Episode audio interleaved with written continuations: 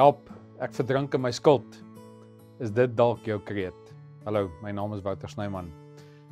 Ek praat met baie mense en dan kom ek doodgewoon agter dat hulle ook in daai skuldstryk getrap het. En dis doodgewoon om geld te spandeer wat jy nog nie het nie. Nou baie keer sê mense vir my, "Ja, maar ek kan nie 'n kar koop of 'n huis koop sonder om skuld aan te gaan nie." En dit mag dalk so wees en dit kan dalk waar wees. Maar dit sê nie dat jy daai vakansie op skuld moet bespreek nie. En die uiteinde daarvan is is dat baie mense spandeer geld wat hulle nog nie het nie op iets wat hulle lankal die genot van vergeet het en dan moet hulle dit begin terugbetaal. So my uitdaging vir jou is, as jy in daai skuld teruggetrap het, kan jy ontslaa raak daarvan. Inteendeel, die Bybel sê dat ehm um, moet nooit die slaaf raak van die persoon wat geld leen aan jou nie. En as jy nou mooi dink daaroor, is jy die slaaf van die bank?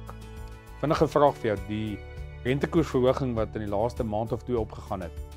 Het jou bankbestuurder jou geskakel en gevra of hy maar jou rente met 50 basispunte kan opsit. Ek neem die antwoord is nee. My bankbestuurder het my ook nie geskakel nie. So en dit beteken doodgewoon hulle kan doen net wat hulle wil. Ek onthou baie baie jare terug, so 10, nee, 10 of so 15 jaar terug. Die rentekoers hier gedraai by 25.5%. Nou weet ek nie wat jy gaan doen as jou skuld skielik gekoppel is aan 'n rentekoers van 25.5% nie. Meeste mense in daai tyd weet ek het regtig dit nie kon maak nie. So hulle moes planne maak. So die eerste uitdaging is begin minder spandeer as wat jy verdien. En die oomblik as jy dit reg kry, jy doen dit op twee maniere. Een, jy kan dalk klein bietjie meer verdien. Nou ons praat in ander video's van hoe jy dit kan doen. Tweede ding is begin bietjie minder spandeer. Menende wees baie attent op jy jou geld spandeer. En daai surplus wat jy bymekaar maak, die eerste belegging wat jy kan doen is doen dit in jou skuld.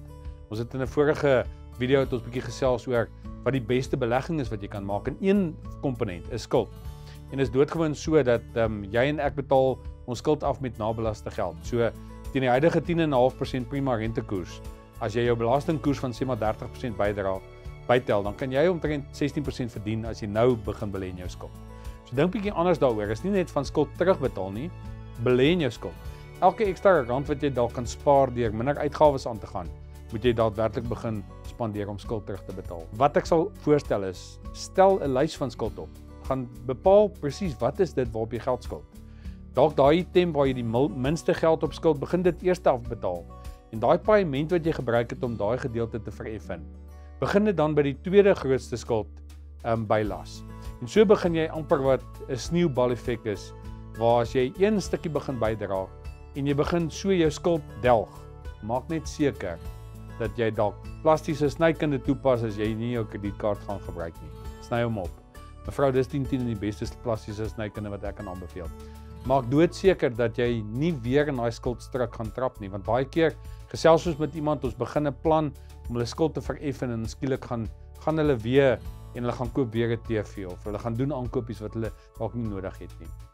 Ons doen nou onlangs 'n 'n opname en ons kom agter dat 'n 'n TV wat jy op Bruikie gaan koop waar jy 'n skuldplan aangaan, jou 3 keer of 4 keer meer gaan kos as wat jy dit kontant sou koop. Dis doodgewoon net nie die moeite werd nie. Doen wat die ryk mense doen. En dis stap 1, 10 sekonde reël. So as jy in die winkel staan en jy wil ietsie koop en jy besef jy moet dit op skuld aankoop, stap uit die winkel uit. Gaan staan vir 10 sekondes buite en bepaal is dit regtig nodig. Die kans is goed dat jy dalk net gaan aanstap en nie daai skuldkoopie gaan doen nie. Baie daging aan jou is begin regtig baie mooi dink voor jy skuld aangaan.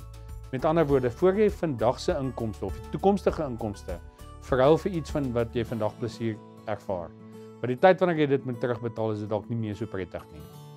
Dink mooi daaroor en jy en ek kan uit skuld uitkom. Ons weet die gemiddelde ou kan dit doen. Baie sterkte daarmee.